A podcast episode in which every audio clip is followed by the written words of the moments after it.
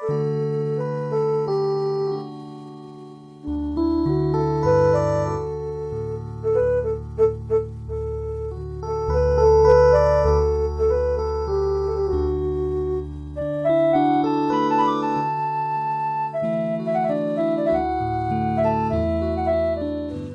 ះវិទ្យុសំឡេងមេត្រីភាពផ្សាយចេញពីវិទ្យុ Adventist ពិភពលោក នាងខ្ញុំ Erica Pha ហើយខ្ញុំចន Prisley Pha សូមគោរពនិងស្វាគមន៍ចំពោះអស់លោក លោកស្រី និងប្រិយមិត្តអ្នកស្ដាប់ទាំងអស់ជាទីមេត្រីបងប្អូនលោកអ្នកកំពុងស្ដាប់ដំណឹងល្អពីវិទ្យុសំឡេងមេត្រីភាព ដែលផ្សាយចេញជាភាសាខ្មែរមួយថ្ងៃពីរលើកព្រឹកពីម៉ោង6ដល់ម៉ោង6:30នាទី ពេលល្ងាចពីម៉ោង8ដល់ម៉ោង8:30នាទីយប់តាមរលកធាតុអាកាសខ្លី short wave 15150 kHz កម្ពស់19ម៉ែត្រអ្នកស្រីសុនសវណ្ណានឹងជម្រាបជូននៅកម្មវិធីសម្រាប់ថ្ងៃនេះដូចតទៅ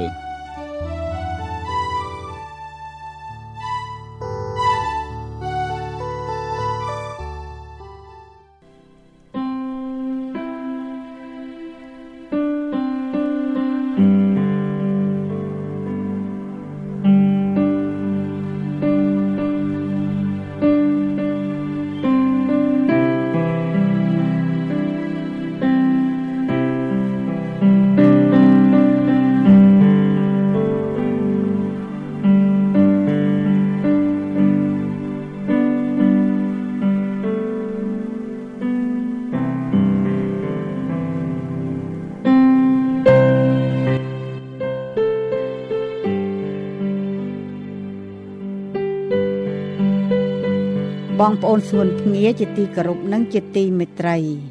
រដូវនេះជារដូវណូអែលដែលពិភពលោកទាំងមូលរំលឹកពីកំណើតព្រះយេស៊ូវដែលបានយន់យកកំណើតក្នុងសាច់ឈាមកាលពីជាង2000ឆ្នាំកន្លងទៅនេះវិទ្យុសំឡេងមេត្រីភាពសូមជូនការអធិប្បាយសង្ខេបមួយឈុតក្រោមប្រធានបទផ្កាយនៃព្រះអង្គសង្គ្រោះសូមអញ្ជើញស្ដាប់ការអធិប្បាយពីលោកគ្រូសូនសុផាតភាគបន្ត សូមព្រះជាម្ចាស់ប្រទានព្រះពរដល់បងប្អូនសួនភ្ងាជាបរិបូរអាមែន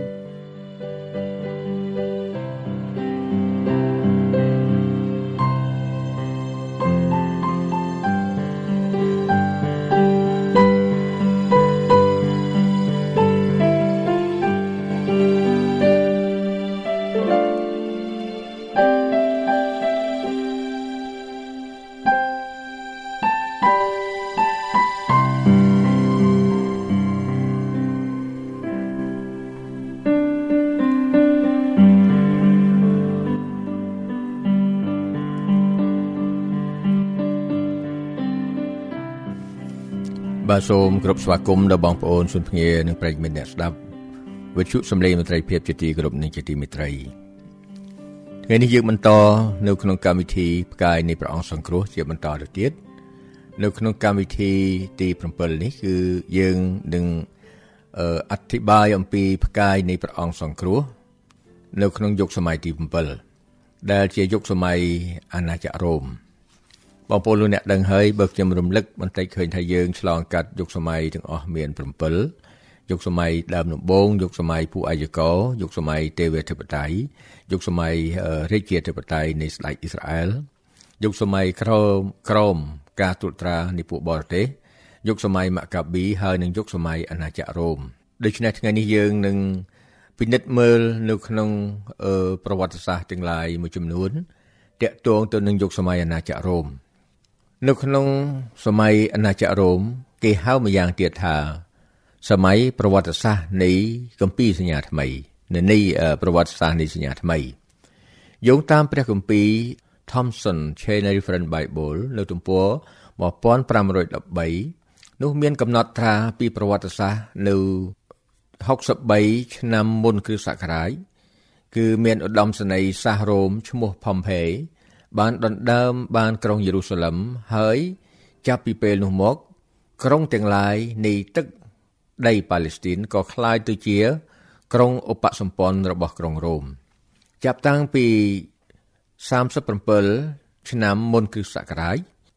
រហូតដល់4ឆ្នាំមុនគ្រិស្តសករាជស្ដេច Herod the Great បានក្លាយជាស្ដេចនៃស្រុកយូដា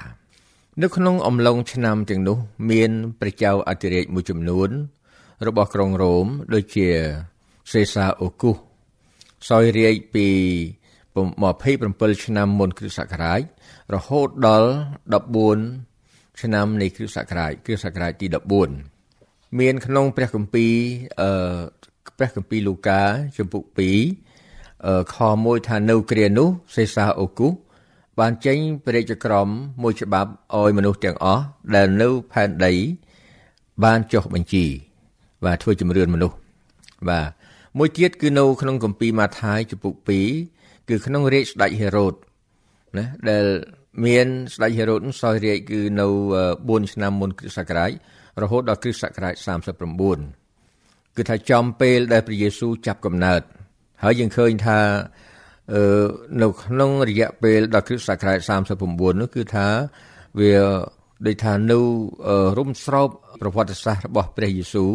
ដែលព្រះអង្គបានចាប់កំណើតហើយជីវិតរបស់ព្រះអង្គហើយនឹងថែមទាំងព្រះអង្គបំពេញព្រះរាជកិច្ចថែមទៀតយើងមើលឃើញថាមានព្រះចៅអធិរាជខ្លះទៀតដូចជាសេសា Tiberius នៅគ្រិស្តសករាជមក14រហូតដល់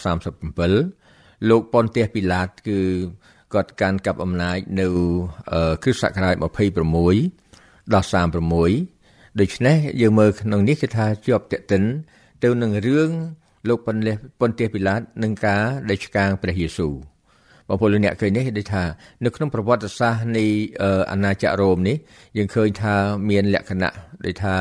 គ្រប់ដណ្ដប់នៅក្នុងថារុំស្រោបនៅក្នុងព្រឹត្តិការណ៍ជាច្រើន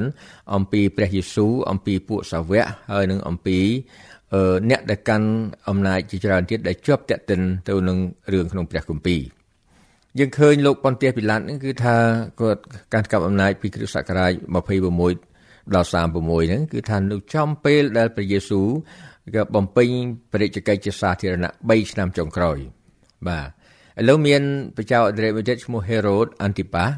គឺពី4ឆ្នាំមុនគ្រិស្តសករាជរហូតដល់គ្រិស្តសករាជ39តាក់ទងទៅនឹងព្រះយេស៊ូវគឺ ដែលមានកំណើតនៅក្នុងកំណត់ត្រាជាច្រើនថាព្រះអង្គបានចាប់បដិសន្ធិចាប់កំណើតយោនយកជាសាច់ឈាមក្នុងមនុស្សនេះគឺនៅក្នុង4ឆ្នាំមុនគ្រិស្តសករាជដូច្នេះយើងហាក់ដូចពិបាកស្ដាប់បន្តិចពីព្រោះថាហេតុអីបានជាព្រះយេស៊ូវចាប់កំណើតនៅក្នុងរយៈពេល4ឆ្នាំមុនគ្រិស្តសករាជបានន័យថាព្រះអង្គចាប់កំណើត4ឆ្នាំមុនកំណើតរបស់ផងខ្លួនណារបស់ផងព្រះអង្គ ដូច្នេះយើងឃើញថាជាការមួយដែលពិបាកស្ដាប់ប៉ុន្តែចាំខ្ញុំឆ្លៀតពេលនឹងធ្វើការស្រាវជ្រាវជម្រាបជូនបងប្អូនខ្ញុំគ្រាន់ជម្រាបត្រួសត្រាសថានៅក្នុងពេលដែលគេគិតគូរមើលក្នុងប្រកក្តីទិនគឺគេបានមើលឃើញថាព្រះយេស៊ូវនឹងចាប់កំណើតមុនឆ្នាំដែលគេកំណត់ទៅតាមប្រកក្តីទិនអឺរួចមកហើយនោះដូច្នេះដោយសារអីគេយកចំណុចចាប់ផ្ដើមគឺថានៅក្នុងពេលដែលគេស្ថាបនាធ្វើក្រុងអាណាចក្ររ៉ូមឡើង ដូច្នេះគេគេរាប់ពីពេលនោះមករហូតមកដល់ពេលដូចជានៅក្នុងនេះគឺថាព្រឹត្តិការណ៍មួយដែលកត់ត្រាក្នុងព្រះគម្ពីរជាច្រើននឹងឃើញថាអឺនៅពេលដែលអឺព្រះចៅអធិរាជមួយគឺនៅស្ដេច Herod ណា Herod the Great ហ្នឹងគឺថាយើងមើលឃើញថាគាត់បានសោយរាជហ្នឹងគឺនៅក្នុងរយៈពេលឆ្នាំពីណាទៅបងប្អូន គឺថាពីអឺ បាទហេរ៉ូតជាស្ដេចសាសយូដាហ្នឹងគឺពី37ឆ្នាំមុនគ្រិស្តសករាជរហូតដល់ឆ្នាំមួយឆ្នាំមុនគ្រិស្តសករាជបាទដូច្នេះយើងឃើញថាពេលនោះស្ដេចហេរ៉ូតគឺថានៅក្នុងពេលដែលព្រះយេស៊ូវចាប់បដិសន្ធិដូច្នេះបានជាគេគិតពីរឿងឆ្នាំហ្នឹងណាឲ្យគិតថយទៅរហូតដល់ពេលដែលចាប់ស្ថាបនា ធ្វើអាណាចក្ររ៉ូមឡើងហ្នឹងគឺថាធ្វើឲ្យគេគិតគូរទៅឃើញថាចំនួនឆ្នាំហ្នឹងគឺ4ឆ្នាំមុនគ្រិស្តសករាជប៉ុន្តែបើយើងនិយាយតាមនៃជាទូទៅគឺថាព្រះយេស៊ូវត្រូវតែចាប់កំណើតនៅឆ្នាំ0ពីព្រោះនោះគឺជាសករាជរបស់ព្រះយេស៊ូវប៉ុន្តែបើតាមយើងធ្វើការពិចារណាហើយយើងអាចនឹងសន្និដ្ឋានបានថាដោយសារការដែលគេគិតគូរអំពីរឿងប្រកក្តីទិនទេ បាទដូច្នេះហើយបានជាមានការគេហៅផ្លាស់ប្ដូរដោយសារអីដោយសារយើងមានគេហៅថាលើកខែលើកឆ្នាំអញ្ចឹងទៅដល់ពេលអញ្ចឹងបានថាយើងមើលឃើញថាមានការគិតគូរនឹងហើយធ្វើឲ្យគេថាពេលនឹងវេលាវាខើចខើចរហូតដល់គិតទៅឃើញថាព្រះយេស៊ូវត្រូវចាប់កំណើតនឹង4ឆ្នាំមុនគ្រិស្តសករាជប៉ុន្តែដោយសារអ្វីទៀតដែលគេបានរៀបចំធ្វើហើយក៏គេមិនតម្រូវរៀបចំឡើងលេខនឹងឡើងវិញពីឆ្នាំ0មកទេ បាទនេះគឺជារឿងមួយដែលធ្វើឲ្យយើងពិបាកនឹងយល់ប៉ុន្តែខ្ញុំសូមជម្រាបបងប្អូនថាយើងគិតមើលថាព្រះយេស៊ូវត្រូវតែមានកំណើតមកហើយត្រូវជាចាប់ថាគ្រិស្តសករាជគឺសករាជរបស់ព្រះយេស៊ូវគឺចាប់ពីឆ្នាំ0មកនោះឯងបាទនេះក៏ជាជាជាចំណុចមួយសំខាន់ដែរដែលចង់ឲ្យយើងដឹងថាអឺនៅក្នុងកត្តានៃពេលវេលាទាំងអស់ គឺព្រះបង្កើតតែរង្វង់នៃសប្តាហ៍ទេ គឺថាវិលចុះវិលឡើង ពីថ្ងៃទី1ដល់ទី7រួចហើយវិលដល់ថ្ងៃទី1វិញដូច្នេះហើយបានជា នៅក្នុងកត្តានៃពេលវេលា គឺមានតែថ្ងៃ គឺនៅក្នុងអឺសប្តាហ៍នៅក្នុងមួយអាទិត្យនោះដែលមាន7ថ្ងៃទេដែលមិនប្រែប្រួល ចំណែកឯខែក៏លើកឆ្នាំក៏លើកដូច្នេះបានជាធ្វើឲ្យការដែលគិតគូរលេខនឹងឃើញថាព្រះយេស៊ូវចាប់កំណើតនៅក្នុង4 ឆ្នាំមុនគ្រិស្តសករាជនៅក្នុង2ឆ្នាំមុនគ្រិស្តសករាជគឺជាកំណើតរបស់លោកប៉ុលបាទព្រះយេស៊ូវគេថា4មុនគ្រិស្តសករាជហើយលោកប៉ុលចាប់កំណើតគេថានៅ2ឆ្នាំបន្ទាប់ពីព្រះយេស៊ូវនៅក្នុងគ្រិស្តសករាជ25ដល់27គឺជាពិធីបុណ្យជាមួយទឹករបស់ព្រះគ្រីស្ទបងប្អូនលោកអ្នកដឹងហើយថាព្រះយេស៊ូវមានប្រជជ នហើយព្រះអង្គទ្រង់បំពេញព្រះរាជកិច្ចគឺថាមុននឹងពេលព្រះអង្គបំពេញព្រះរាជកិច្ចជាសាធារណៈគឺព្រះអង្គបានត្រូវទទួលការចាក់ប្រេងតាំងជាអ្នកកម្ពូលបណ្ដាច់គឺព្រះអង្គយាងចុះទៅក្នុងទន្លេយូដានដើម្បីទទួលពិធីទទួលពិធីបុណ្យជាមួយទឹកបាទហើយនៅក្នុងនេះយើងឃើញថាព្រះអង្គមានប្រជជនប្រហែលជា30ឆ្នាំបាទបើយើងមើលឃើញអមាញ់មិញដែលកំណត់ត្រាថា បុណ្យជាមួយទឹករបស់ព្រះយេស៊ូវគឺកើតឡើងនៅក្នុងរវាងឆ្នាំ25ដល់27នៃគ្រិស្តសករាជយើងបូកជាមួយនឹង4ទៀតទៅយើងឃើញថានៅក្នុងព្រះអង្គមានប្រជជនប្រហែលជា30ឆ្នាំពេលនោះឯងបាទឥឡូវយើងមើលមកក្នុងគ្រិស្តសករាជ29ដល់30គេថាដោយសារបានជាដាក់រវាងអញ្ចឹងហើយនឹងចន្លោះអញ្ចឹងពីព្រោះថារយៈពេលនោះមិនមិនមានកំណត់ជាក់លាក់ទេដូច្នេះឃើញថាមានការប្រហាក់ប្រហែល នៅក្នុងគ្រិស្តសករាជ29ដល់30ព្រះគ្រីស្ទទ្រង់សគត់នៅលើឈើឆ្កាង បាទអានឹងវាសមគ្នាទៅនឹងថាព្រះយេស៊ូវទ្រង់គង់នៅលើផែនដីចំនួន33ឆ្នាំ បងប្អូនខ្លះទៀតក៏គាត់អឺមើលឃើញឯកសារខ្លះដែលនិយាយថាព្រះយេស៊ូវបានមានកំណើតហើយនឹងគង់លើផែនដីនេះចំនួន33ឆ្នាំកន្លះប៉ុន្តែមិនអីទេបើសិនជាខុសគ្នាកន្លះ ឆ្នាំឬមួយឆ្នាំអីសូមបងប្អូនអធិស្ឋានព្រោះថាពេលវេលានោះគឺថាវាមានការប្រហាក់ប្រហែលបាទឥឡូវមកដល់គ្រិស្តសករាជ31ដល់37គឺពេលនោះហើយដែលមានការប្រែចិត្តរបស់លោកប៉ុលព្រះជាម្ចាស់បានត្រាស់ហៅលោកប៉ុលលោកប៉ុលបានឆ្លើយតបដោយការដែលគាត់បានថ្វាយជីវិតរបស់គាត់នៅក្នុងការផ្សាយដំណឹងល្អបាទតកតងទៅនឹងកំណើតព្រះយេស៊ូវយើងឃើញមានចែងនៅក្នុងព្រះគម្ពីរម៉ាថាយ ចំពុក2ខ1ថាកាលព្រះយេស៊ូវទ្រង់ប្រសូតមកនៅភូមិបេតលេហឹមស្រុកយូដាក្នុងរាជស្ដេចហេរ៉ូតនោះមានពួកហោរាពីទិសខាងកើតមកដល់ក្រុងយេរូសាឡឹមដែលនៅក្នុងខជាកាពីម៉ាថាយចំពុក2ខ19ចែងដើម្បីថាអឺលុះហេរ៉ូតបានសគត់រួចហើយនោះទេវតានៃព្រះអម្ចាស់លេចមកនោះនៅក្នុងអំឡុងគឺថាមួយឆ្នាំមុនគ្រិស្តសករាជ យុគសម័យរ៉ូមគឺជាយោងតាមឯកសារដែលបកស្រាយពីកាពីដានីយ៉ែលចំពុក2និងចំពុក3នោះនោះបង្ហាញថាអាណាចក្ររ៉ូមនឹងត្រួតត្រាពិភពលោកអស់644ឆ្នាំនោះចំនួន644ឆ្នាំ គឺចាប់តាំងពី168ឆ្នាំមុនកំណើតព្រះយេស៊ូវមុនគ្រិស្តសករាជរហូតទៅដល់គ្រិស្តសករាជ476 ដូច្នេះយើងឃើញថាសម័យរ៉ូមគឺរុំស្របដោយកំណើតនិងប្រជជនហើយនឹងព្រះរាជកិច្ចរបស់ព្រះយេស៊ូវថែមទាំងជីវិតនិងកិច្ចការរបស់ពួកសាវកផងទៀតដែរតួយ៉ាងតាមឯកសារពី Thomson Chain Reference Bible Study ទំព័រ15 13គឺបានសរសេរថានៅក្នុងគ្រិស្តសករាជអឺឆ្នាំ70គឺជាការបញ្ចប់រដ្ឋរបស់ពួកយូដាគេថា the end of the Jewish state ហើយក្រុងយេរូសាឡឹមក៏ត្រូវបានបំផ្លាញនៅគ្រិស្តសករាជឆ្នាំ90ដល់គ្រិស្តសករាជ100គឺជាការបៀតបៀនដល់ពួកគ្រីស្ទានដោយ Domitian ការស្លាប់របស់លោកសាវកយូហានហើយនឹងជាពេលបញ្ចប់នៅសម័យពួកសាវកយើងត្រូវសិក្សាបន្ថែមទៀតអំពីយុគសម័យនៅក្រុងរ៉ូមយុគសម័យក្រុងរ៉ូមព្រោះវាមានអធិពលនិងព័ត៌មានដ៏សំខាន់តាក់ទងទៅនឹងការប្រែទម្រង់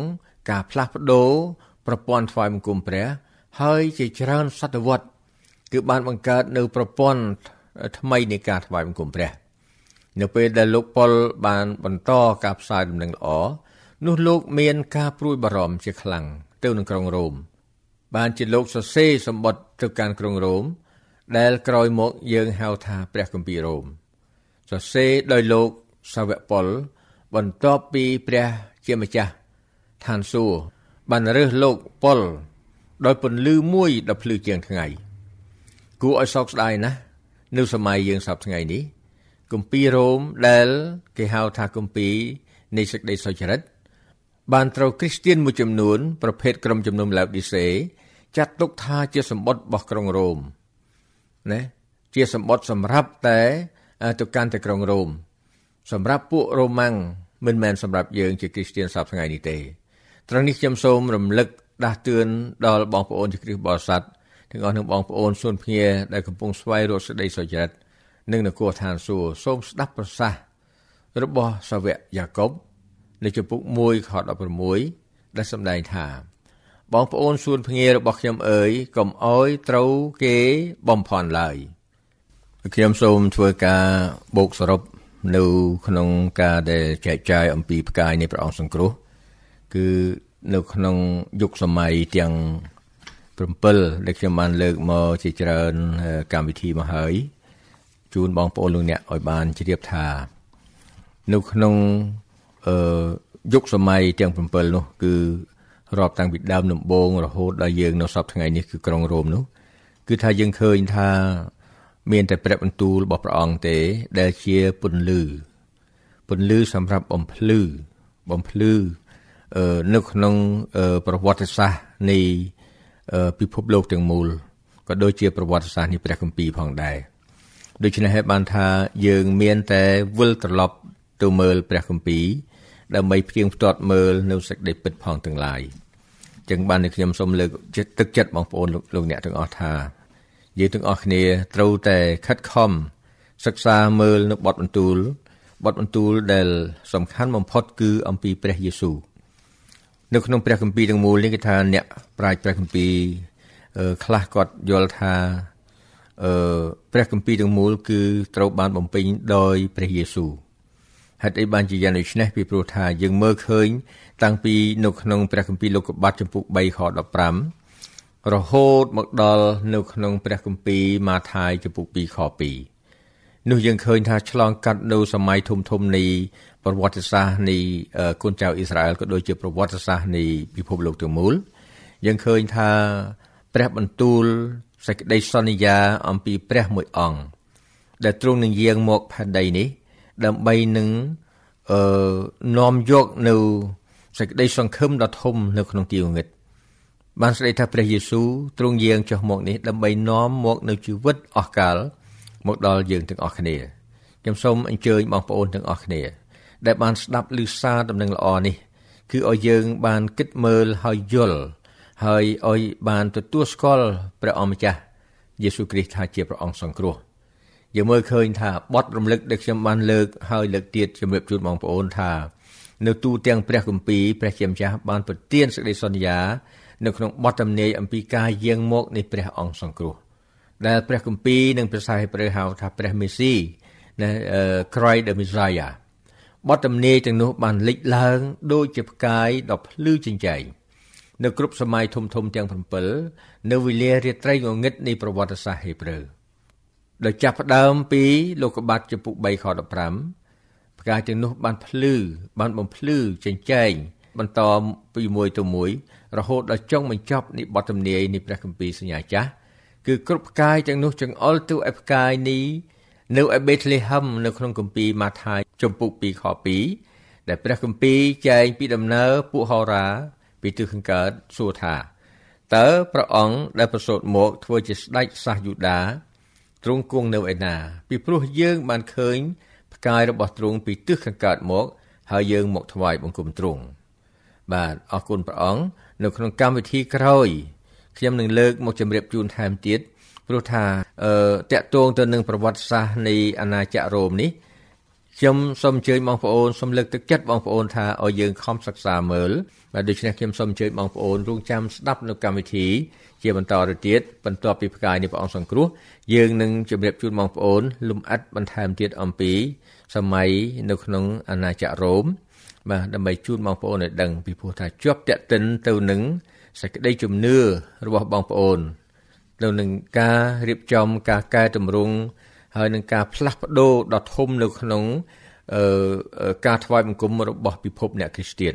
បាទសូមព្រះជាម្ចាស់ប្រទានប្រពរដល់បងប្អូនទាំងអស់គ្នាជាបរិបូរអាមែនសូមអរគុណដល់បងប្អូនលោកអ្នកនិងសូមព្រះជាម្ចាស់ប្រទានព្រះពរដល់សន្តាប់នៃកម្មវិធីវិទ្យុសំឡេងមេត្រីភាព យើងខ្ញុំសូមអញ្ជើញបងប្អូនលោកអ្នកស្ដាប់កម្មវិធីផ្សាយតាមប្រព័ន្ធអ៊ីនធឺណិត www.voiceoflow.us សូមចុចភ្ជាប់ direct ទៅ AWR វិទ្យុ Adventist ពិភពលោក ដើម្បីស្ដាប់កម្មវិធី ថ្មីៗរៀងរាល់ថ្ងៃ។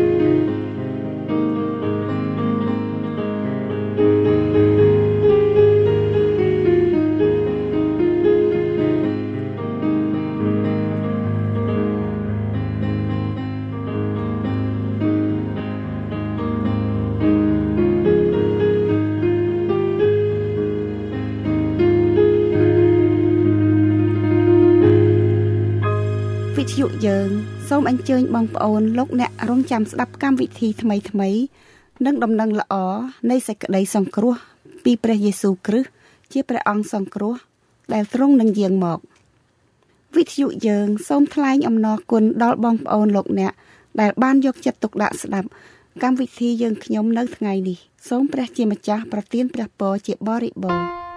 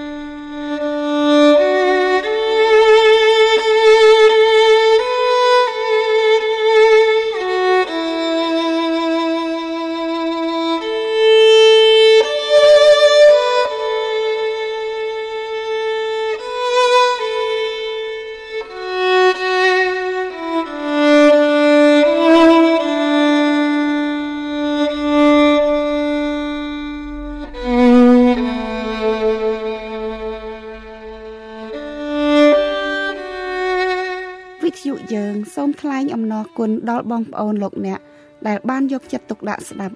កម្មវិធីយើងខ្ញុំនៅថ្ងៃនេះសូមព្រះជាម្ចាស់ប្រទានព្រះពរជាបរិបូរណ៍